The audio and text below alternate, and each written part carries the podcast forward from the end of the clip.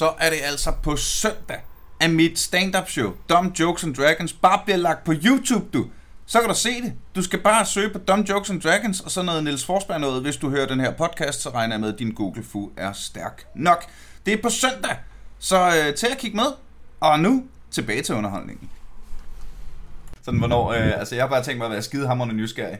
Og så skal vi snakke, øh, ja altså snakke koblingen mellem computerspil og virkeligheden i forbindelse med pilotuddannelsen i forsvaret specifikt. Og der kommer jeg sikkert til at spørge om noget, I ikke må udtale jer om, og så skal I bare sige det. Og så drejer vi videre. og, og, øh, og så vil vi jo snakke om noget andet. Og jeg har fået fornemmelsen af, at vi har, at vi har nok at snakke om. Øhm, hvor meget... Jeg, jeg tror, jeg spurgte Ronny, da vi snakkede sammen i et telefonsamtale, vi havde for nogle måneder siden. Hvor meget, hvor meget gamer du selv, Ronny? Hvor meget jeg gamer? Mm. Jamen altså, jeg har, jeg har gamet øh, en del. Det, det, det gør jeg desværre ikke mere. Jeg har simpelthen ikke tid til det med, med to små børn og familie og, og arbejde. Men øh, jeg har spillet øh, rigtig meget øh, Unreal Tournament. Oh. I mine unge dage, hvor, øh, hvor jeg var med i sådan en klan, sådan en Europa-klan, hvor vi spillede meget uh, Capture the Flag. Sejt. Og med en klan, der hed uh, Desire to Fire. ja, ja, det er præcis sådan der. og hvad med, hvad med Rea? Jamen, øh, jeg spiller mest øh, sådan noget Call of Duty og League of Legends og sådan noget. Øh, mest i, altså i fritiden med, med et par kammerater. Det er sådan den måde, vi lige får det tænkt sammen med, når det ikke er så let at møde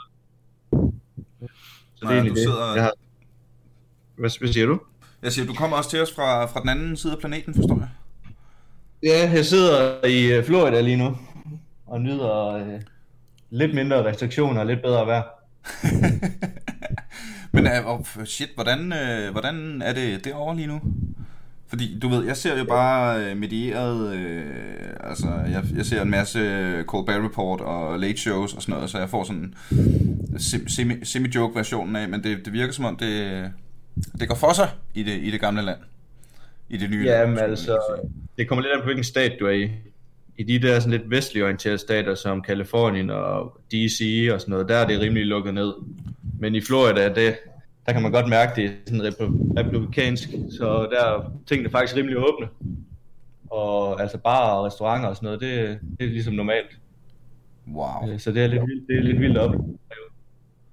Jamen, øh, på den øh, bombshell, rigtig hjertelig velkommen til Aldrig FK, en podcast om gaming, hvor jeg i dag har usædvanligt godt selskab her i øh, online-studiet. Rigtig hjertelig velkommen, først og fremmest Ronny Fossen, specialkonsulent fra Forsvarsministeriets personalestyrelse, der arbejder med rekrutteringsuddannelser i forsvaret, og til piloten Rea. Mange tak. Tak. Øh, hold kæft, hvor jeg er glad for, at det her kunne lykkes. Øh, kære venner, hvor, hvor bliver det dejligt, og hvor er det, hvor er det fedt, I har lyst til at være med.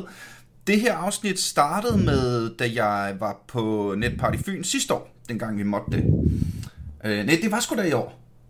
Eller sidste år. Jamen, øj, kendt, tid forsvinder sammen, smelter sammen. Men jo, det var mini Netparty Fyn jo hvor vi var øh, slet ikke mennesker i forhold til, hvad vi plejer. Der havde jeg en øh, rigtig god, rigtig hyggelig samtale med dig, Ronny, som jo yes. er en af dem, der... Øh, nu, nu har vi i den her podcast har vi snakket meget om, Nå jamen, så er der noget med, at forsvaret de er også begyndt at rekruttere gamere, fordi de bare bliver dygtige jægerpiloter, fordi vi bare har her, her mange hurtige øh, trykker på knapper hurtigt og sådan noget, ikke?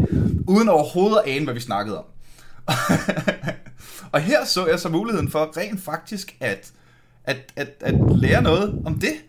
Fordi det er jo noget med, at øh, forsvaret har simpelthen fundet ud af, at gamere er mm, vildt interessante for flyveledere og jægerpiloter og nogle af de her sådan virkelig high pressure situationer, man nu kan komme ud i, øh, alle, når man arbejder i forsvaret alle mulige forskellige steder. Øh, og så har vi simpelthen en pilotgamer igennem, der er blevet rekrutteret. Øh, hvordan er det med dig, Rea? Blev du rekrutteret igennem en, et fokus på gamere? Øhm, jeg øh, har altid øh, synes gaming var sjovt, øh, og specielt sådan noget som Counter-Strike og League of Legends. Men desværre så var jeg øh, igennem optagelserne før, at forsvaret de nåede at få fokus på det. Så jeg har ligesom været med på den anden side af det. og øh, set dem øh, begynde at rekruttere igennem gaming efter. Og det mhm. synes jeg, det er super spændende. Og altså, det skal vi jo øh, grave i den næste times tid. Ronny, hvorfor, hvis vi kan starte hos dig, hvorfor, hvorfor synes forsvaret lige pludselig, at gamer er interessante? Ja, man kan sige, altså jeg har i hvert fald personligt arbejdet med det her med, øh, med, med gamer og få dem to, øh, tiltrækket til, til forsvarsuddannelser i, i de seneste fire år. Det, øh, det startede tilbage med, hvor vi skulle øh, have rekrutteret til vores flyvelederuddannelse. Og der, øh, og der øh, var det egentlig, jeg tænkte også, at jamen, altså, øh, et job, man sidder her, det minder jo sådan set meget om det, øh, som, som mange gamere de sidder øh, og gør. Altså bruger deres kompetencer foran en computer og foran en masse skærme og, og skal holde et stort overblik og skulle, skal, skal virkelig, du ved, øh, brænde igennem, når det er, at det gælder, altså skal kunne holde et køligt overblik. Og så var det, jeg tænkte, jamen, der må jo sidde en masse unge mennesker derude, som, som, øh, som spiller rigtig meget computerspil, og det kunne være sjovt at prøve at, at, at, at, at øh, tale til dem øh, for at søge den uddannelse. Og efter at vi sådan lidt mere målrettet øh, forsøgte at få gamer til at søge den uddannelse, så, så eksploderede det nærmest, altså da vi fik en enorm interesse for det. Øh, og, og så begyndte folk ligesom, at, altså i hvert fald særligt gamerne, at tænke, nej, men altså, der, der er måske noget her mellem, øh, der er måske noget for os i forsvaret. Mm. Og, så, øh, og så udvidede vi det en, øh, en lille smule ting, jamen det, det er da egentlig interessant, at, at vi har fået så mange kvalificerede ansøgere, efter vi gik ud i gamersegmentet og, og ligesom fløjet de her uddannelser op. Øh, så ikke nok med, at vi fik flere ansøgere, vi fik faktisk også mange flere kvalificerede ansøgere, efter vi mere målrettet gik efter de unge gamere. Øhm, og så begyndte vi at kigge på, jamen, hvilke andre uddannelser øh, har man også i forsvaret, hvor det kunne være relevant. Og der kommer vi blandt andet ind på øh, pilotuddannelsen. Øhm, fordi nu siger du pilotuddannelsen, der er vel, der er vel altså jægerpilot og fragtpilot og helikopterpilot og kamphelikopterpilot og Ja, altså. og, og, og, og det, det er jo selvfølgelig vigtigt at sige, at, at øh, fordi man sidder og, og gamer rigtig meget, så er det jo ikke nødvendigvis, at du også er en god pilot. Der er jo rigtig mange ting, der bliver testet for, men selve optagelsesprøven til pilot, den er, den er, er ret svær. Øh, og man, man træner nogle kompetencer, når man, når man gamer, som kan være gavnlige i selve optagelsesprocessen til pilot. Øh, og det kan være, at, at Ria kan komme lidt mere ind på, hvad det er for nogle, for nogle mm. ting, man skal igennem der også.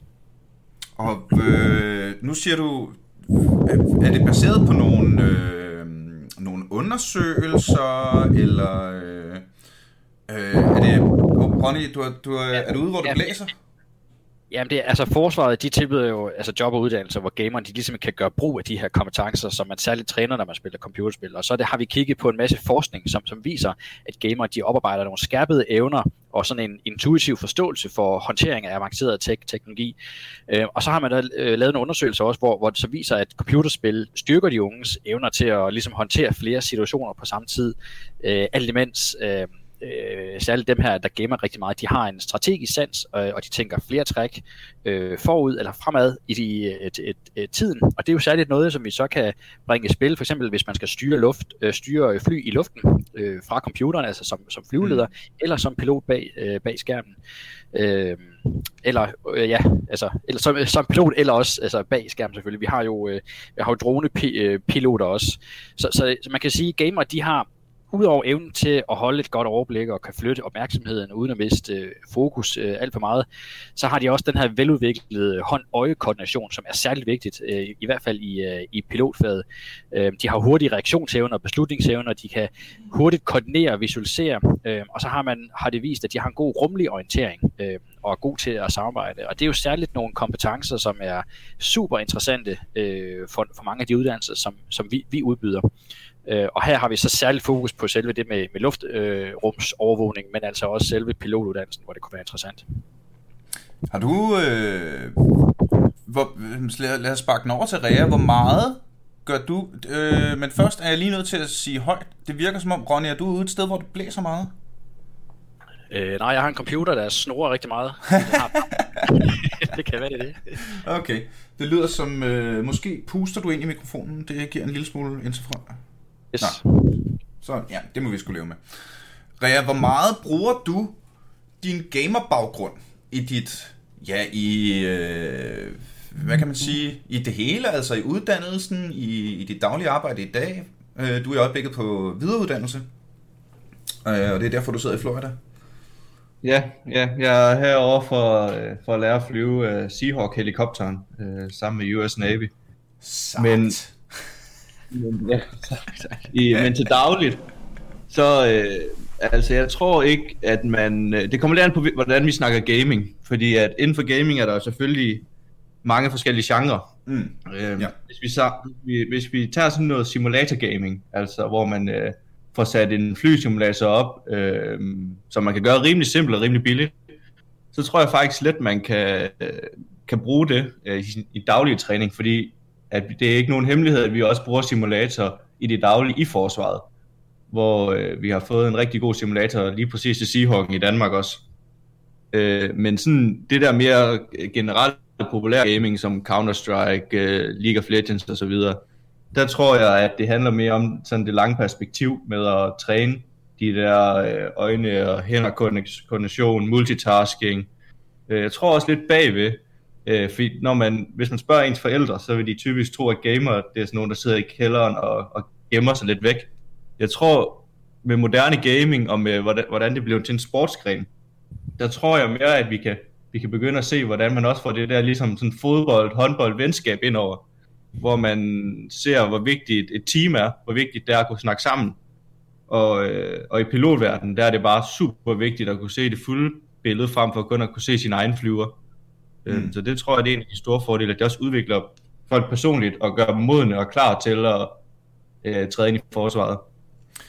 En lille baggrund, både til, til jer to og til lytterne derude, det er, at jeg er pil- selv pilotsøn ganske vist øh, ikke øh, fra forsvaret. Min far var kommersiel pilot, men han var en stor kanon i SAS, og blandt andet, nu når vi snakker simulatorer, været med til at lave SAS Flight Academy i den form, det har i dag tilbage engang i 80'erne. Og øh, så, så jeg har en lille smule andenhånds info i hele pilotverdenen. Og jeg ser også min stedfar Ejgil, øh, som er bare øh, privatpilot. Han har, hvad hedder det, B-certifikat eller sådan noget.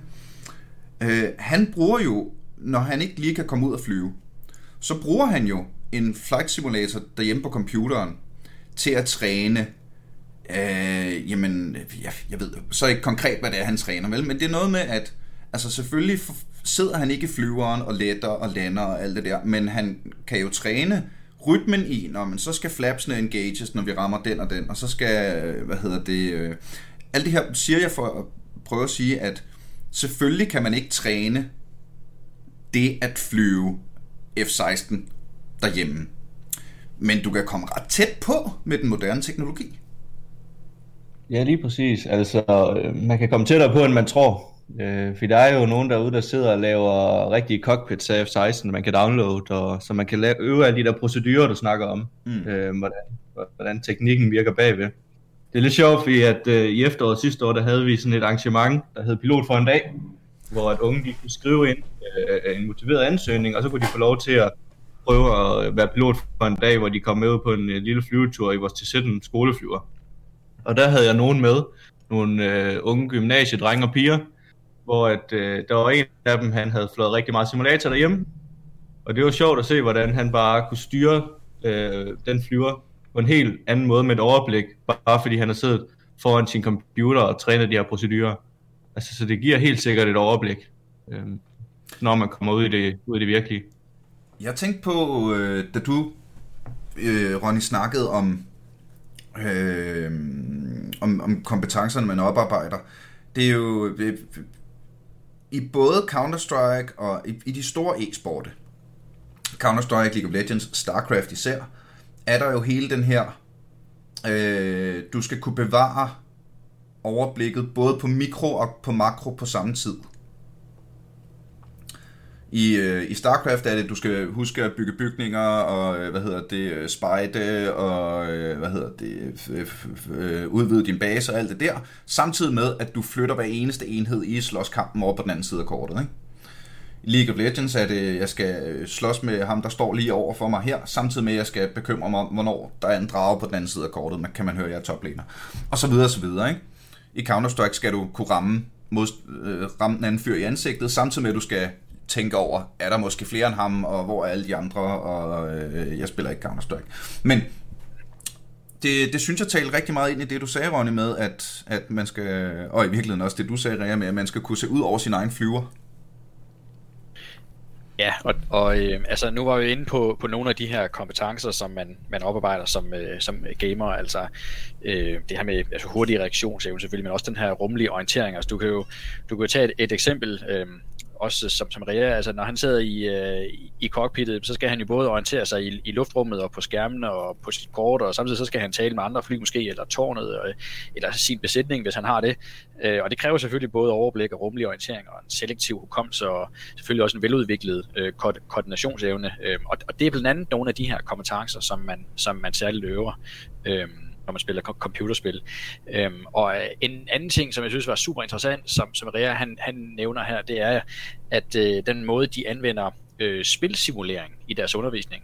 Øhm, for det er jo super interessant, hvis man kan, kan øve en masse procedurer via et computerspil, og så faktisk applicere det til det cockpit, som man kommer op i. Øhm, så er der jo faktisk et, et rigtig fint link mellem det at skulle sidde og spille computer, og så faktisk, at man, man kan anvende det også øh, rent, rent fysisk øh, og praktisk. Øhm, det er så og, sejt, øh, det, det bliver jo både billigere i forhold til vores uddannelse af soldater og piloter osv., hvis man kan bringe øhm, spilsimulering ind i, i, øh, i undervisningen. Og, og det ved jeg, det er faktisk noget, forsvaret de arbejder rigtig meget med lige i øjeblikket. Øh, og vi har det faktisk øh, i alle tre, øh, tre værn. Nu, øh, når vi lige taler pilot, så, så kan jeg huske en gang, jeg var oppe øh, op på... Øh, og forbi øh, flyveskolen øh, i, øh, i Carver, der, og der så jeg der nogle, nogle, øh, nogle unge mennesker, der sad og simpelthen og spillede øh, Flight øh, Simulator. Øh, og så ved jeg også, at der er investeret en masse af det her XR-teknologi, øh, øhm, hvor man får nogle briller på og, og, og kan en masse ting. Jeg ved ikke, Rea, om du har, har været, altså, været så heldig at afprøve noget, noget af det, eller kan komme lidt ind på det, men det synes jeg faktisk er ret interessant, hvordan man, man kan bringe det i spil i form af altså, undervisningsmateriale. Ja, men altså, øh, jeg var på flyveskolen øh, sidste år øh, øh som ansat, efter jeg var i USA første gang, og øh, der begyndte man at tale det her VR ind, øh, fordi at det er ikke nogen hemmelighed på flyveskolen, at det er meget øh, kognitivt hårdt, og man skal kunne alle ting uden af. Så øh, for eksempel alle de checklister, vi skal kunne, når vi øh, starter den her lille til 17 flyver, der øh, er det, handler det om at øve det igen og igen og igen øh, fordi man skal gøre det lige præcis på samme måde hver gang. Og der har flyveskolen investeret i øh, de her VR-briller, så man kan sidde hjemme på sit eget øh, værelse og øve det igen og igen og igen, frem for at man skal tage op og sidde i flyveren og øve det igen og igen og igen. Eller i, så det er altså, faktisk noget... Eller i simulatoren, bare... ikke? Altså fordi jeg tænker, jo, jo. altså at nu siger du investere i de her VR-headset, men hvis du tager prisen på et standard Oculus Rift, kontra prisen på at lige bygge en Seahawk fuld størrelse simulator. Ja. Altså, at bygge sådan nogle, at bygge de, altså fordi de rigtige gåsøjne simulatorer, vi snakker om, der er det jo, der er det jo et helt en-til-en cockpit, du sætter dig ind i. Der, skal bygge, ja. der er bygget med, med hy, hydraulik nedenunder, så det føles som det føles, når du letter og lander og turbulens og alt det her. Altså, det er jo, det er jo, det er jo et... Det, det, det forestiller mig, det koster. Spidsen af en jetjager. Get it? Øh, Undskyld. Ja, altså det, det, det, det er ikke nogen hemmelighed. Det er lidt dyrt. øh, men, men man skal også se forskellen i, hvordan man kan bruge det. Mm. Øhm, fordi at brillerne, øh, de kan ikke, de, de har deres begrænsninger i, hvor, hvor realistisk de kan blive. Øhm, for eksempel, oh, ja, altså... når du snakker om, at vi har sådan en fuld cockpit, så kan vi jo sidde og trykke på de rigtige knapper. Vi kan røre ved de rigtige kontroller. Mm. Vi kan øve nødprocedurerne i flyet, altså så er vi klar til, hvis der skulle ske en rigtig nødprocedur. Hvis du sidder med brillerne, så har du ikke det her dybdeforhold i, hvor kontrollerne er, fordi at alt det foregår ligesom i en, i en falsk dimension, der er foran øjnene på dig. Ja. Så du kan ikke se, om det er 30 cm foran eller 3 meter. Øh, så man skal ligesom se begrænsningerne i brillerne, hvor de måske er bedre til de her lidt mere statiske øh, procedurer. Det var, hvor, det var egentlig også bare det, jeg ville frem til, at, at nu kan du træne 13 personer samtidig i noget af det. Ja. Øh, så øh, det var... Ja, det er selvfølgelig bare et supplement. Ligesom, simu- ligesom simulatoren egentlig bare er et supplement til the real deal. Ikke? Men jo mere jo. man kan supplemente, jo mere effektiv kan man vel bare være. Sådan helt nede på bundlinjen, ikke? Ja, altså, jo, helt fint. kan i hvert fald sige, at det bliver, det bliver lettere at træne flere soldater til billigere penge, kan man sige. Så, mm. så du og jeg, vi får, vi får mere for penge for vores skatte, skattekroner, øh, jo mere man kan, man kan anvende spil øh, simulering i, i, i undervisningen. Øh, og det gør vi for eksempel også i, øh, i, i herren, altså når man træner taktik på, på, øh, på kamppladsen, så øh, i øh, Oxbill ved jeg blandt andet, der har man sådan en helt kæmpe computerrum, hvor man øh, kan sætte sig ind og logge sig ind i det her spil her, noget der hedder Steel Beast, hvor man så øh, kan enten køre kampvogn, eller man kan være infanteri på, øh, på jorden, og så, øh, og så i stedet for, at man faktisk har de fysiske enheder derude og brænder en masse diesel af, jamen, så kan man øve øh, de overvejelser og altså den taktik, der ligesom kræver at skulle føre sine soldater på slagmarken. Øh, og det er jo ganske interessant også. Øh, og det samme er også i søvandet, øh, hvor vi ude på, ude på Holmen har øh, nogle store øh, simulatorer, øh, men som egentlig bare er bygget op omkring øh, nogle computer og nogle skærme. Og så har man et, øh, et, et skibsspil, hvor man har øh, øh, visualiseret danske havne, så kan man, øh, du ved, øh, nu ved jeg ikke, hvad det hedder på søvandssprog, men øh, bakke frem og tilbage med de her kæmpe krigsskibe inde i, øh, inde i havnen, og, og man kan tage ud og, og sejle, og man kan give det give regn og, og store bølger osv. Øh, så det er en rigtig fed måde egentlig at træne på, øh, og det er også en, en, en god øh, historie at fortælle ud af til, fordi der er måske ikke så mange, der egentlig tænker over, at, at, at forsvaret bruger rigtig meget af det her spilsimulering i deres undervisning. Mm. Er det så spil, som findes, som forsvaret har fundet ud af, at det her er close enough? Eller er det spil, der er, fordi det er ikke nogen titler, jeg lige har stødt på, eller er det så spil, der er øh, designet til forsvaret, specifikt med det her formål, ja. eller er det nogen, der bare findes, som tilfældigvis var gode? Altså Steel Beast, det er, det er der mange, der, der spiller øh, kommercielt også. Altså øh, det, er jo, det, det kan du gå ud og købe, øh, og så kan man øh, ja, så kan man lægge forskellige maps ind og så videre. Så, så øh, jeg, jeg kender flere, der, der egentlig samles en gang imellem, og så spiller man det her, det her spil. Så, så nogen spiller det for sjov, og, og nogen spiller det faktisk også som en del af deres træning. Øhm, og så er det jo også lidt sjovt at så tænke på, at i spil som, som, øh, som Counter-Strike, altså det var jo øh, også udviklet i samarbejde af, med det amerikanske forsvar som en form for træningsmodul. Sjovt. Øh, og det er jo også, det er jo også altså, øh, derfor, at, at vi jo også kigger lidt ind i sådan Counter-Strike turneringer, fordi det er den her holdbaserede kon- kon- konkurrence, øh, øh, når, når, du, når du skal spille øh, sådan nogle gruppespil. Ikke? Altså, øh, du skal både være god til at kommunikere, du skal tænke på dine din holdkammerater, du skal tænke taktik ind i, du skal være hurtig, øh, og der er forskellige funktioner akkurat, som der jo også er i en almindelig infanterigruppe med, med soldater. Øh, så på den måde øh, er det jo også lidt sjovt at se den parallel, der ligger der. Jeg håber ikke, der er nogen i det danske forsvar, der får at vide, ja, du er entry fragger, du dør sikkert, men hvis du kan tage to med, så er det rigtig godt. ah, det er ikke lige helt sådan. Nå nej, men altså, øh, det er selvfølgelig en joke, men jeg synes bare, det er vildt, hvor, altså, hvor, hvor, hvor naturligt, hvor meget, altså, nu har vi brugt så mange år på at simulere krig i vores computerspil.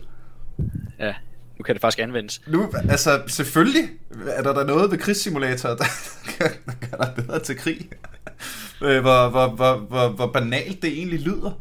Hvorfor er der, hvorfor er der gået så længe, inden, øh, inden, inden den vinkel er blevet taget? Og jeg vil også gerne spørge dig, Ronny, nu, nu virker det lidt som om, at det var meget på dit initiativ, at ja. forsvaret er begyndt at kigge på gamere. Ja, det er i hvert fald, altså jeg begynder i hvert fald at, at lukke op for det, og har personligt meget sådan brugt en del energi på det i hvert fald. Hvordan øh, reagerede dine overordnede, som, hvor øh, jeg forestiller mig, øh, mange af dem sikkert ikke har spillet særlig meget computerspil. Hvordan reagerede de, da du kom og sagde, øh, vi skal have fat i gamerne? Ja, men først og fremmest, så, så kræver det selvfølgelig også, at du har en, øh, en ledelse, der, der er frisk på, at man, at man går nogle, nogle nye veje. Øh, der har jo i mange år været en, en sådan en, øh, en lille frygt for, for, for det her om, altså, hvad sker der egentlig med folk, når man spiller computerspil osv. Men, men, øh, men øh, det er jo så gået op for folk, jamen man, man øh, får også nogle kompetencer, og man, og man kan faktisk godt bruge det til noget. Øhm, og øh, min, min chef, det er jo meget sådan, jamen øh, det er fint nok, altså hvis du leverer nogle resultater, ikke? Øh, og så gik jeg ud og lavede det her pilotprojekt på, på, øh, på flyvelederuddannelsen, øh, og der, der kunne jeg jo vise sort på hvidt, prøv at høre jeg har øh, specifikt gået efter øh, unge gamer, og vi har fået øh, langt flere kvalificerede ansøgere. Jeg, øh, jeg udvider det her nu, og så kigger de på mig og siger, at det synes de måske er en god idé, hvis du kan, kan gøre det på, på andre uddannelser også. Øh, så, så på den måde har jeg jo været lidt heldig, at, at de har gået med til det på den måde. Øh, og, og, og vi er slet ikke færdige endnu. Altså, jeg, jeg ser rigtig meget potentiale i det her. Hold kæft, hvor er det fedt, mand vi kan jo også, øh, altså hvis man kigger på, på, på dronepiloter, dem, dem har vi jo også haft ind og test. Øh, nogle, øh, altså det her drone racing, det er jo noget, også sådan et, et computerspil, øh, hvor man sidder og så styrer, men, men i en lidt anden grad, fordi man sidder med sådan en... En, øh, en fysisk drone, ikke? Ja, så, så, så der er lidt mere sådan håndelag i det også, ikke? Altså det, det er mere sådan noget hånd-øje-koordination også, hvor du skal, skal have rigtig godt styr på, at øh, de, når flyene, flyene de vender, vender på hovedet, jamen, så skal du gøre det hele modsat osv., ikke? Øh, lidt ligesom hvis man flyver et rigtigt fly, jo. Ja, ja. øh, der har vi haft nogle af de her Danmarks dygtige dronepiloter inde øh, til den her afprøvning til pilot. Øhm, og der viser sig faktisk, at øh, 20 procent, altså øh, to ud af de fem, der kom ind, jamen de, de kom faktisk igennem hele den der første meget, meget svære afprøvning øh, til pilot, hvor, hvor det er normalt øh, for os, at vi, at vi skal finde, øh, altså vi skal have måske omkring 40-50 ansøgninger øh, til at finde en, øh, der kan komme igennem den her afprøvning, så, så var det altså lige to ud af de fem her, som havde spillet rigtig meget, øh, øh eller øh, altså drone racing også. Mm. De, øh, de kunne altså de kunne ace nogle af de her tests her. Det, øh, det giver så sygt meget mening. Hvis man ikke har, øh, hvis man ikke har kastet sig ud i, øh, altså prøv bare YouTube drone racing. Altså der, der blev afholdt konkurrencer nu, og de, de flyver så hurtigt og så præcist. Altså, jeg kan huske, jeg øh, en dag med tømmermænd åbnede Eurosport, og der var øh, det tilsvarende, men med øh, sådan øh, små adrette privatfly. Jeg ved ikke, hvad type det var. Men der var også en sport med folk, der skulle igennem en bane, og så lave et loop, og så rundt om den der, og så videre, og så videre på tid.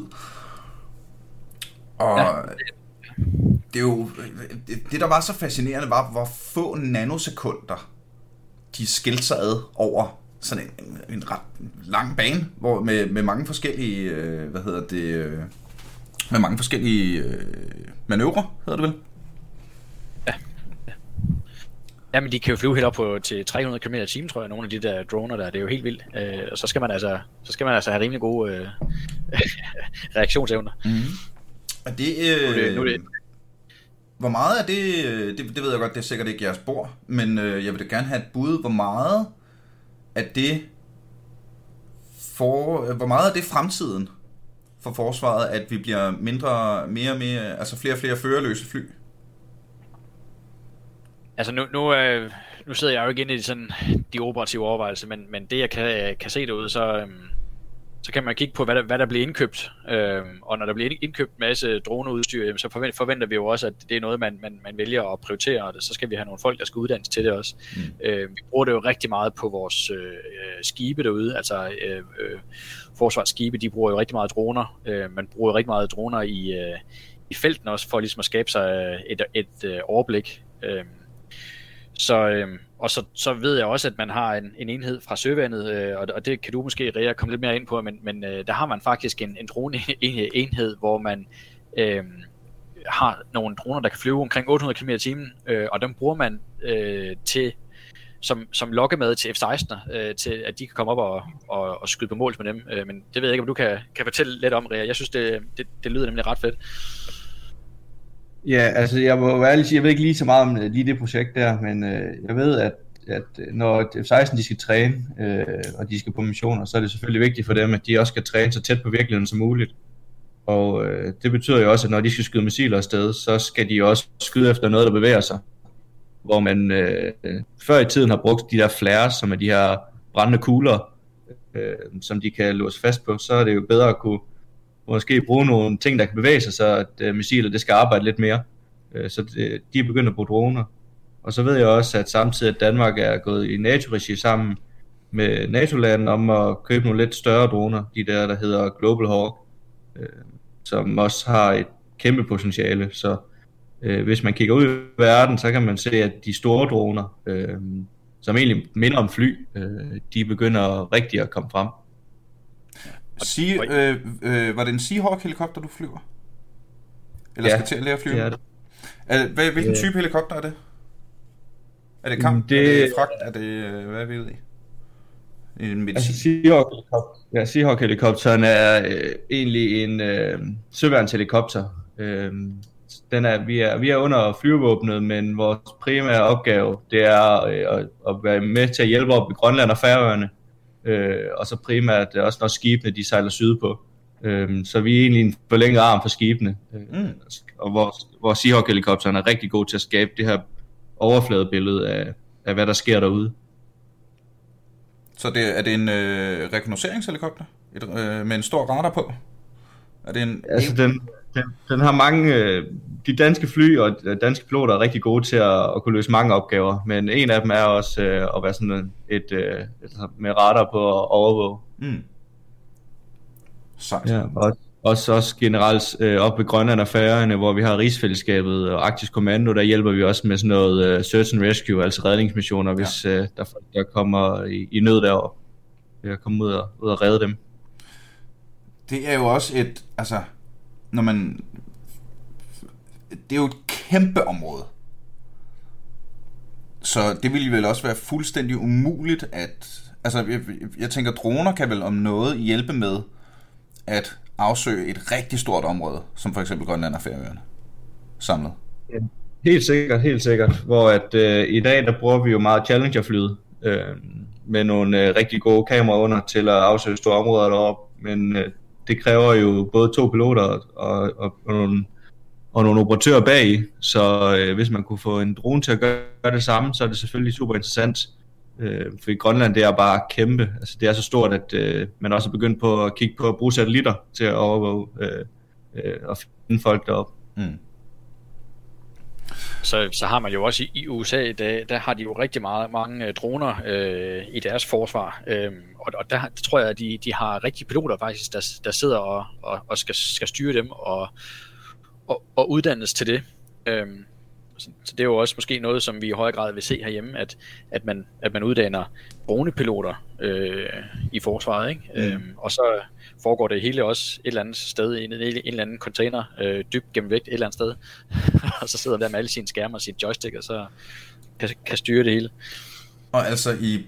Øh, det er vel også et i et hvert land, der har mulighedens interesse, at ikke jeg tænker, øh, der er vel også en rent personel fordel ved, ved droner, og det er, at øh, hvis de bliver skudt ned, så er det ikke helt lige så slemt. Det er klart.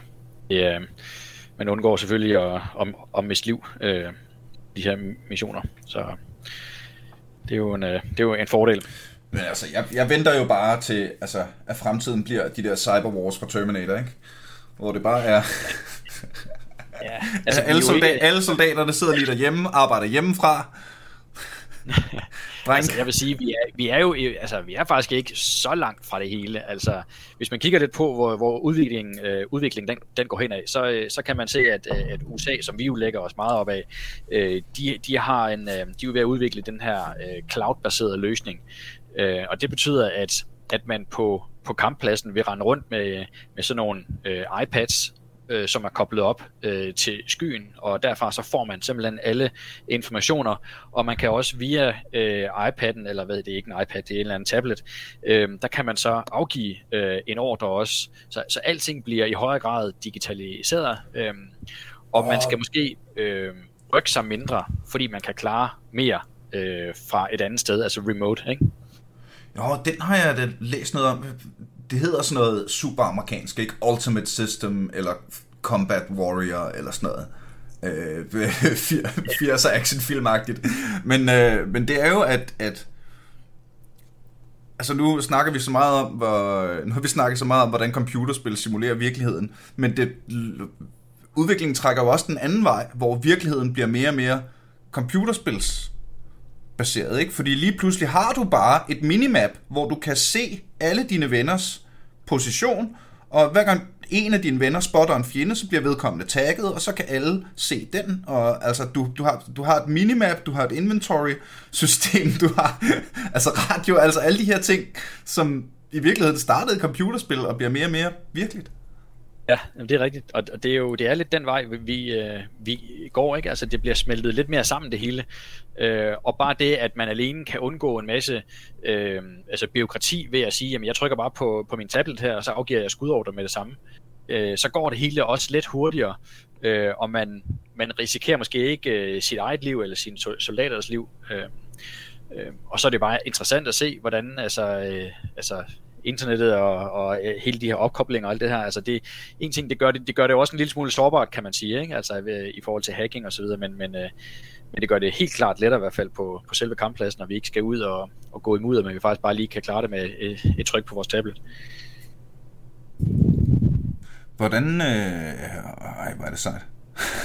jeg har lyst til at skubbe den over til Rea. Jeg har lyst til at høre mere fra dig. Ja, men altså, jeg synes jo, Ronny snakker meget godt lige her til sidst om en af de store problematikker ved det, med, lige præcis med hacking. Øh, fordi, altså bare sådan noget simpelt, når vi hører, at øh, russerne de øh, er inde over amerikanske valg, og øh, mm. vi hører jo egentlig også fra den modsatte side med alle de skandaler, NSA har haft, altså øh, jo mere teknologisk man bliver, jo mere afhængig af det. Man skal stadig ikke øh, huske, øh, at man, der skal være en backup-løsning. Øh, og hvis man lige pludselig har alle folk siddende derhjemme, øh, og så det hele det går ned, øh, vi har jo alle så, vi har jo prøvet at få et blackout derhjemme, fordi en sikring ryger, altså, så er så simpelt. ja. Ej, det er også, vi har, vi har også alle sammen prøvet at sidde i et ranked spil, og så lige miste connection, ikke? Det, det har du ikke lyst til at ske, hvis du sidder i en altså sådan reel væbnet konflikt. Nej, lige præcis. Altså, så, så øh, alt med måde, øh, mm. og øh, det, der sker jo sindssygt meget. Øh, den teknologiske verden, den eksploderer for tiden, men øh, man skal også passe på, at man ikke uh, tager, øh, går for mange skridt frem, før man er klar til det, tror jeg. Ja. Det, det er en rigtig god pointe, du, øh, du har der, og, og det er jo faktisk også øh, en af grundene til, at vi der også øh, har oprettet den her cyberværnepligt, mm. øh, hvor man også, altså unge, der har lyst, altså der har interesse inden for, for teknik og cyber og internetsikkerhed osv., jamen de, de kan så komme ind og få den her øh, cyberværnepligt med henblik på, at man kan man kan uddanne nogle, nogle soldater netop til at imødekomme den her øh, ha, altså trussel fra, fra, fra hacking eller, eller andre magter, der mm. prøver at, at, at komme ind i vores systemer.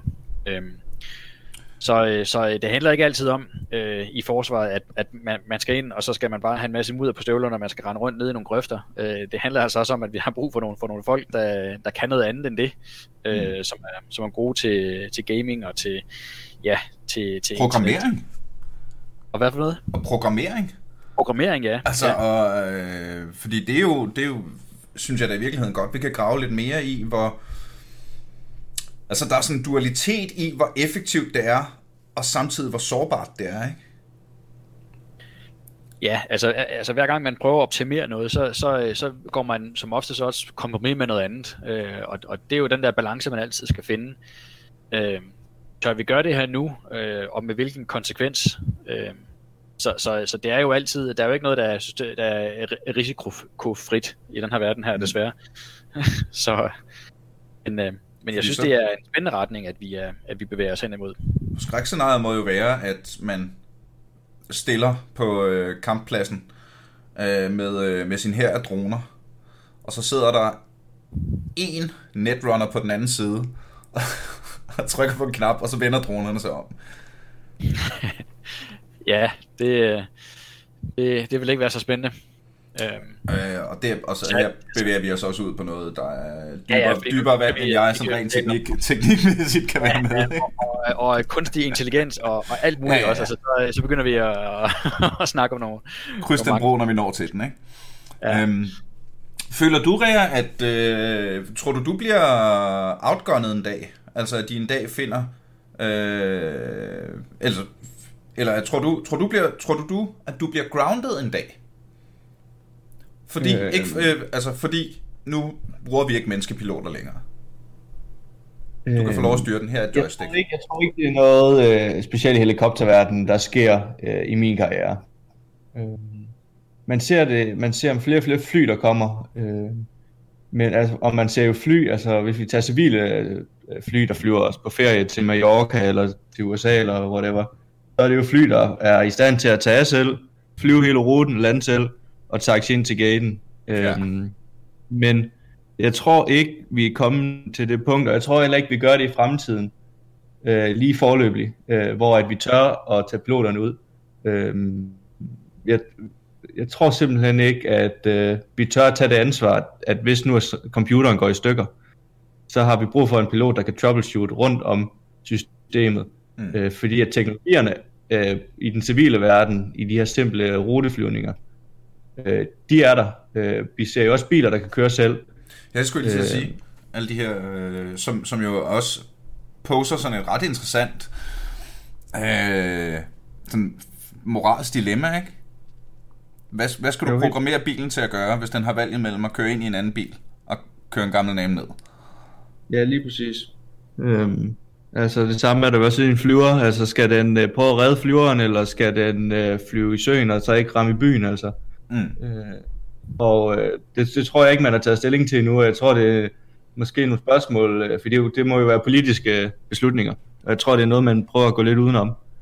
Øh, fordi at, at man i civile flyver, man ser jo noget så simpelt som, at man også skal, man vil stadig have to piloter øh, i mm. civile flyver, selvom de kan klare det mest selv.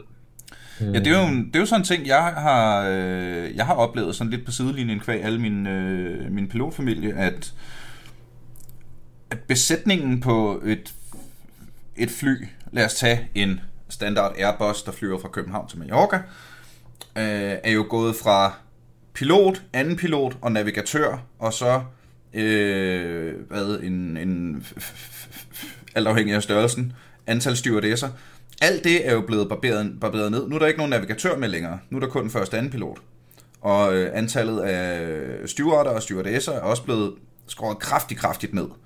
Fordi man kan på grund af teknologien. Men selv der har man jo stadig holdt fast i, der, der skal være en pilot. Ja. Og der skal være en anden pilot. Præcis. Og jeg tror, det er sikkerheden, fordi at grund til, at navigatøren kan øh, spares væk, øh, det er på grund af, at øh, navigationsteknologierne de har ændret sig. Ja. Fra at man flyver fra nogle fyr på jorden, der står og sender signaler ud, så kan man jo flyve på GPS'er nu. Ja, og hvis man... Og har I set den der og øh, øh, krigsfilm, der handler om et krigsfly, altså sådan The Flying Fortress? Nej, det desværre. Og den hedder sådan noget Daisy Bell eller et eller andet. Øh, som er en krigsfilm om et af de her Flying Fortress fly, hvor du jo er syv mennesker ombord for at flyve en flyver, ikke? Fordi der sidder en ja. ved hver kanon, og så sidder der en ved bombeluen, og så sidder der en pilot og en anden pilot, og så sidder der en navigatør, og så sidder der en radiooperatør, og så sidder der en... Og alle de opgaver kan jo i teorien varetages af en person, bortset fra første anden piloten i dag. Ja, og man er måske endda kommet til det punkt, hvor flyet selv kan gøre det hele. Altså også... Øh, øh, det er det, der er lidt... Men, øh, men det er simpelthen... Øh, man, man, det er, jeg tror simpelthen, det er sikkerheden, der holder det lidt tilbage. Mm. At man øh, kan tage chancen, fordi... Altså... Øh, man kan huske 9-11, øh, det tror jeg alle sammen, vi kan huske mm. næsten lige meget, hvor man er, hvis man lever nu. Så ved man har i hvert fald genskab til det. Altså, der krævede det jo fysisk, der kom nogle folk ind og overtog kontrollen. Ja. Men hvis man får fly ud sig selv, så kræver det jo ikke mere end en hacker, der øh, hacker sig ind på forbindelsen, ja, ja. og så, så har man lige pludselig fly over hele verden. Ja. Jeg tror, det handler om, at der er noget psykologisk ved det. Altså, vil man sætte sig op i et, i et pilotløs øh, fly og flyve til, til Mallorca? Altså, øh, øh, er man der, hvor man, hvor man gerne vil det? Det, det, det er måske mange, der ikke øh, helt øh, er, er, er klar på endnu. Jeg vil fandme ikke, mand. Nej, det var sindssygt, det skulle øh. jeg ikke. Når man ser min, min historik for, hvor meget teknik, der er gået galt for mig gennem årenes løb, at vi overhovedet har fået det der podcast op at køre. Et mirakel! Ej, nej. ja. Nå, men altså, som, som, øh, som, som, som Rea jo også siger, ikke, at jamen, altså, teknologien er der jo, altså i princippet, så, så kan det jo godt lade sig gøre, og nu får vi jo også snart de her øh, F-35 fly, som jo er højteknologiske, og som kan en masse øh, hemmelige ting, som vi jo slet ikke ved noget om endnu. Øhm, men, øh, det er sgu nævnt altså, mig, om ikke, om ikke allerede øh, kan flyve selv, eller har, har noget software, der, der kan få dem til det. Det ved man jo ikke, men... Det. Men, F-35, kan vi snakke lidt om F-35'eren? At, det vil sagtens. Altså, nu har jeg ikke studeret det nok, men altså, med, med, med alt, hvad teknologien kan i dag, hvis man nu tager alt det og putter ind og laver, forsøger på at lave den bedste jægerfly, man kan, altså, der er vel nærmest ingen grænser. Jeg forestiller mig, at den kan det hele. Hvis Godzilla kommer, så har vi den. Altså, når aliensene invaderer F-35 i deres ansigt, ikke? Ja, men det er jo i hvert fald, at den, øh, den kan både flyve, men den kan også fungere som øh, sådan en, øh, en kæmpe radar øh, i luften. Så den, den er sådan en multifunktionsfly, og, og så kan den også bombe en masse ting, og den, man har prøvet at, at samle det hele i en. Øh, mm. det er jo... Og så er den samtidig også, øh, hvad er det, en radar, ikke usynlig, men sikker. Ja, der er noget stealth-teknologi. Der er noget stealth-tech også, ikke? Og ja. øh, kæft, det er sejt, mand. Ja, Jamen, det er der, det er der fint. Hvornår kommer kæmpe robotterne? Jeg har set den på filmen. Det virker, det virker som om, alle de spil, jeg har spillet, at vi bare arbejder hen imod kæmpe robotterne. Ja, det, det, øh, det, altså, man bruger jo også robotter i, uh, i, i det amerikanske forsvar til at bære tunge ting. Altså, jeg ved ikke, om I har set nogle af de der videoer, oh, de der, yeah. som, som ligner de der hunde der, der render rundt med dem ude i felten. um, det er jo genialt. Så, ja, det er da, det er da meget smart. Øh, og der er jo selvfølgelig også nogen, der skal, skal styre dem.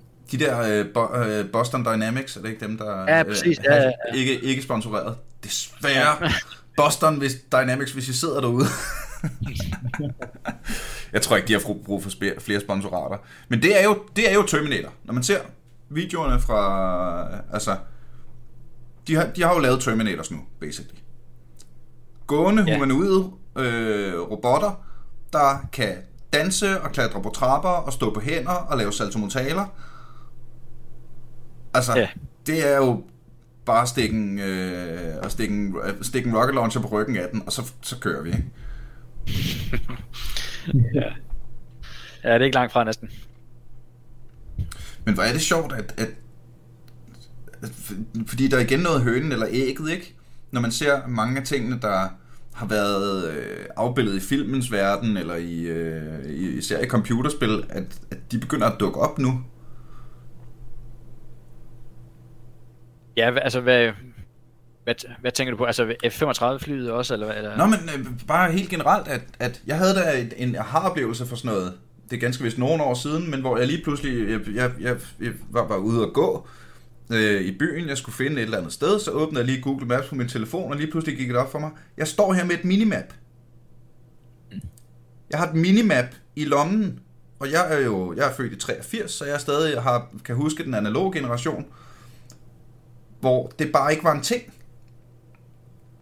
Ja, øh, så, og så synes jeg bare, det er pisse spændende at høre om, hvordan forsvaret udvikler sig med udviklingen i virkeligheden.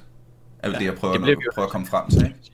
Ja, det bliver vi jo nødt til, for ellers så, så øh, altså, der, der er jo stadigvæk nogen, der, der sådan ligger og tror, at, at forsvaret det stadigvæk er meget gammeldags osv., og, og det er jo, det er jo en af dem, der, der prøver at få, at få sat nogle, nogle ord på, at, at det er vi altså bestemt ikke, for det er faktisk mm. her, hvor, hvor vi prøver meget af det nye, helt nye teknologi af, øh, og det er også derfor, at der er mange sådan, øh, ingeniører og sådan noget, der, øh, der søger job i forsvaret, ikke fordi, at, øh, altså, øh, at, at lønnen er super god, øh, men heller ikke fordi den er, den er dårlig, men faktisk fordi de får lov til at arbejde med noget øh, højteknologisk øh, kram, som, som først bliver ulu, altså rullet ud til, til, til offentlige øh, myndigheder senere hen. Altså, mm. øhm, og, og altså, altså, der kan man jo godt sige, at vi, at vi jo faktisk er, er front movers, ikke? Altså, øh, på særligt teknologidelen.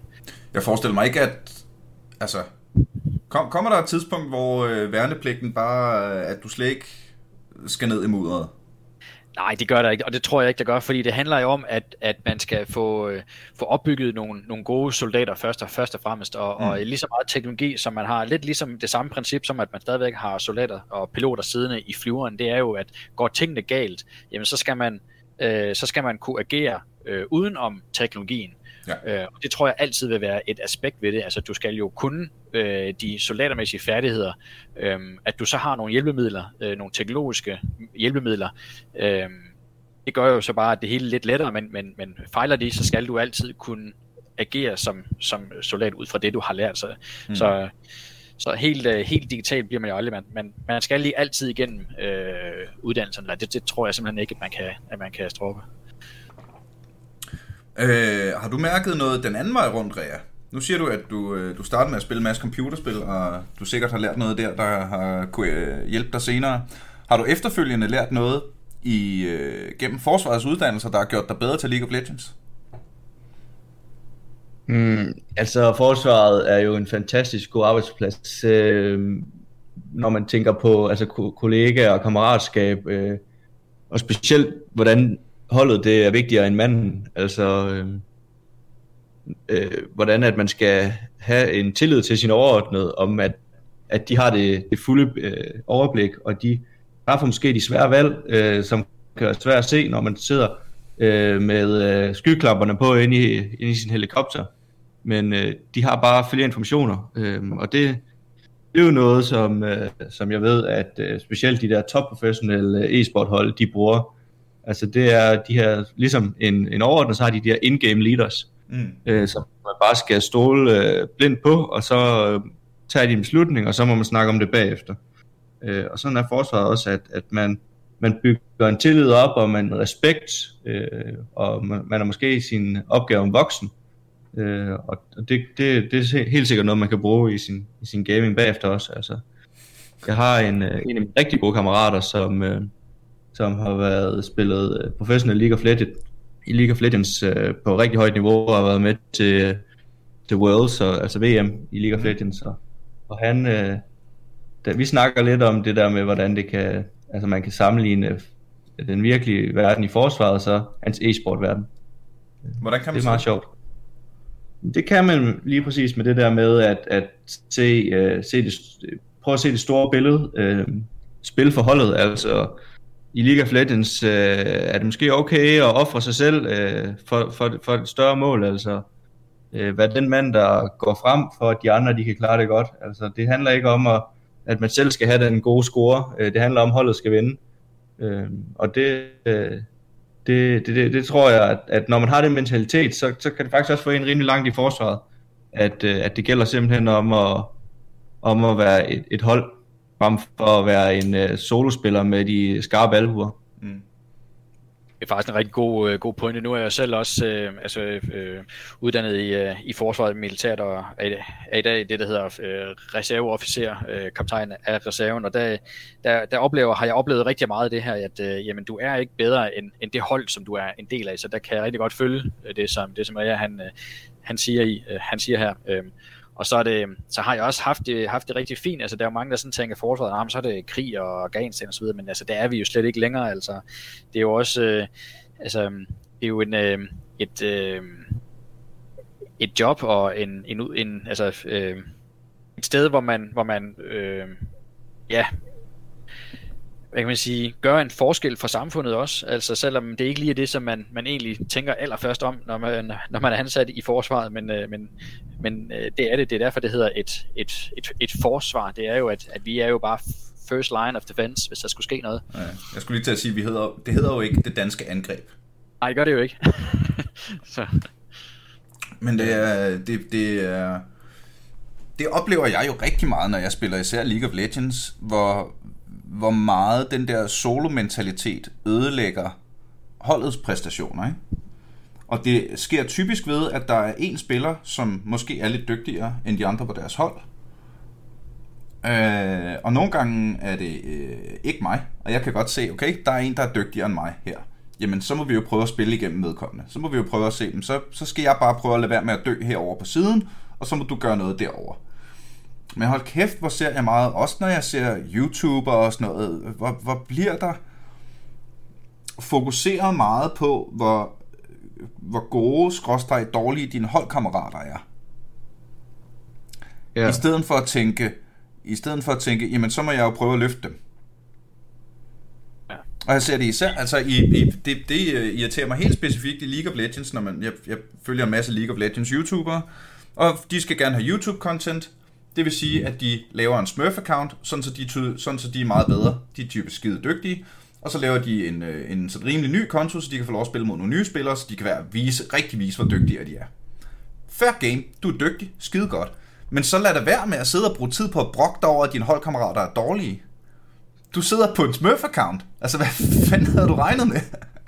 Mm. Hvis dine holdkammerater ikke var dårlige, så ville dem, du spillede mod, heller ikke være så dårlige, at du kunne få 20 kills og lægge en video op på YouTube. Nej, og det, det, er jo, øh, det er jo egentlig en, en god pointe, ikke? Altså det er meget, meget det her med, at, at man skal hjælpe hinanden igennem det, og så er der jo ikke, det er jo ikke, der er jo ikke en, en nulfejlskultur heller ikke øh, i forsvaret. Altså i hvert fald ikke sådan det, som, som jeg har oplevet, fordi man går super meget op i, jamen hvis man laver en fejl, altså så er det en del af, af læringsprocessen. Og så kan, man, så kan man tale om, jamen hvad gik der galt, og hvordan gør man det så bedre næste gang. Øh, så det handler meget om at, at, at, at gøre sig selv, altså øh, lære fra det, man altså det man gør forkert for eksempel, ikke? og så komme øh, og så blive bedre. Øhm, og, øh, ja, jeg, og jeg ved ikke, om, om, om det hænger sammen også med, med, med, med det sociale, at man får lov til at fejle sammen også, fordi altså, nogle af de bedste kammerater, jeg har, jamen det er, det er nogen, jeg har, jeg har fundet øh, via, via forsvaret, fordi man, man har været igennem så mange øh, ting, som, som har, har sat en på, en på, øh, på prøvelse. Altså, mm. Det er næsten lige før, man har, man har tudet sammen, ikke? Øh, så, man, øh, så man opnår et, et, et helt særligt fællesskab der, synes jeg. Øh, og så har man også he, he, hinandens røv, ikke? Altså, det vil sige, at man, man, man taler ikke øh, ned om hinanden, fordi at, altså, man har selv været der, kan man sige, ikke? Mm. Ja. Jo. Og, og når du snakker, Niels, om det her med den her enkeltmandskultur, der kan være, specielt når man sidder der og spiller alene, øh, hvor man gerne vil se sig selv gå frem for holdet, ikke? Øh, det er jo også noget, vi arbejder med, fordi hver gang vi har været ude og flyve en tur, så bruger vi meget tid på at debrief, altså hvor vi sidder og snakker om, hvad oplevede vi, hvad skete der, øh, og hvordan kan vi gøre det bedre. Altså så i stedet for øh, sidde og se, øh, altså kaste med mudder, øh, og sidde og sige, det gjorde du forkert, det gjorde du forkert, så prøv at se det fra alles øh, øjne, og så hvordan kan vi gøre det bedre til næste gang, mm. øh, hvis der sker noget, der ikke øh, burde ske. Og det er, jo, det er jo der forskellen er, hvor, hvor det I gør er det sunde og det rigtige, fordi i slutningen af sådan en altså i slutningen af sådan en kamp, hvor man har tabt, fordi man ikke har spillet sammen, øh, så er man jo bare sådan, hold kæft, hvor er de dårlige alle de andre, ikke? Og så, ja. og så sidder du i postgame lobbyen og tænker, nå, videre, næste spil du har jo aldrig den der, ja. du har aldrig en debriefing med dine toxic holdkammerater, for lige, at, for lige at spørge dem ind til, hvorfor de har det sådan. som, jo, som, jo, som er det, der i virkeligheden skal til, hvis, hvis, man, hvis, den, hvis den der kurve skulle knække. Ikke? Men i stedet for, så er man måske lidt dårlig humør, og så ender du i endnu et spil med nogen, der spiller på en anden måde, end du synes, eller ikke gør det, du lige synes var en god idé, og så kan du blive endnu mere sur, ikke? Det er præcis. Så det er vel måske... Øh, nu har vi... Hold kæft, vi har snakket næsten en time, kære venner. Sådan er det jo, øh, når det er skide spændende. Men måske det kunne være en god sløjfe at binde på alt det her, at... Øh, når, uanset hvor meget vi snakker om teknologi og øh, hvad hedder det, forskellen på det ene og det andet, så er det et ugennemtvisteligt faktum, at kammeratskab er godt. Ja, og, og, og mennesket bagved er altid bedre. Mm. Den kan jeg godt lide. Ja, end teknologien. Den kan jeg fandme godt lide. Øhm, er der noget her, er der noget I har på hjerte det, her til sidst? Noget I, vi ikke har snakket om? Nej, altså nu har vi jo snakket meget sådan om, øh, om pilot og så videre, øh, og, og, øh, og gamer, men, men det er jo selvfølgelig ikke øh, altså, den eneste uddannelse, som, som hvis man sidder derude og er gamer og tænker, jamen jeg kunne da godt prøve at tænke mig at høre, hvad der er af muligheder, altså, så vil jeg da bare øh, fløje op på, at man, man skal gå ind på karriere.forsvaret.dk og så mm. kigge på, hvad, hvad der er derude. Øh, der, der er rigtig mange uddannelser, hvor det ikke nødvendigvis handler om, at, at man skal være altså, rende rundt i øh, mudder, men hvor man faktisk skal bruge nogle af de kompetencer, som man, som man træner, når man også spiller computerspil. Findes der ikke en øh, mellemting, fordi altså, det er jo heller ikke, det er jo heller ikke tosset at rende rundt i mudder. Bare lige en gang altså, Ikke lige en tur i mudderet, det er sgu ikke dårligt. Nej, og, og sådan er det jo også med de fleste uddannelser, at man lærer jo lige det basale øh, soldatervirke, og, og der, der kræver det, at, at man også øh, lærer lidt om sig selv, og det gør man bedst ved at, at blive presset en lille smule. Øh, øh, og så kommer man, man som regel altid styrket ud af det. Øh, så, så, så det har vi selvfølgelig stadig masser af. Og ja, man lærer selvfølgelig en masse personligt øh, om sig selv. Øh, og så vil jeg jo bare sige, at hvis du tager en uddannelse i forsvaret, så er den jo fuld lønnet. Det er jo, du får jo fuld løn, øh, og ikke bare den der lille SU-løn, øh, der, der er. Du får rigtig løn under uddannelsen. Det, Sådan. det er jo øh, et USP i sig selv. Fedt, mand. Rea, øh, har du noget, du vil, du vil tilføje? Yeah. Øh, ja, jamen, jeg vil bare sige til sidst, at lige meget, øh, hvad man drømmer om, om det er øh, IT-sikkerhed i forsvaret, hvor man kan være med på first mover, man kan få lov til at kæmpe mod hacker, eller man kan få lov til at styre hele Danmarks luftrum, eller flyve, så forsøgt, fordi hvis man ikke søger, så er det den eneste måde, man er sikker på, at man ikke får det. Sådan. Det er eddermame med en bombshell at lukke på. Jamen, uh, Rea og Ronny, tusind, tusind tak, fordi I havde uh, tid og lyst til at tage del i det her. Det var skide spændende at få et indblik i. Øh, Ronny, held og lykke med rekrutteringen, og Rea, held og lykke med efteruddannelsen. Øh, god flyvetur. Og til dig, kære lytter, som er nået så langt, vil jeg da bare sige tusind tak, fordi du lyttede med igen. Du er selvfølgelig velkommen til at smash en like-button ind på Facebook. Send mig ris, ros, kommentarer, eller bare gør et eller andet for at få algoritmen til at skyde i vejret. Kæmpe shoutout og coronavenlig krammer her helt digitalt til alle de vidunderlige mennesker, som støtter podcasten på tier.dk. Det er jer, der sørger for, at vi bliver ved. Og så øh, er det selvfølgelig dig, der lytter, og det er du velkommen til at gøre en gang til, når vi en gang til er aldrig AFK. Pow!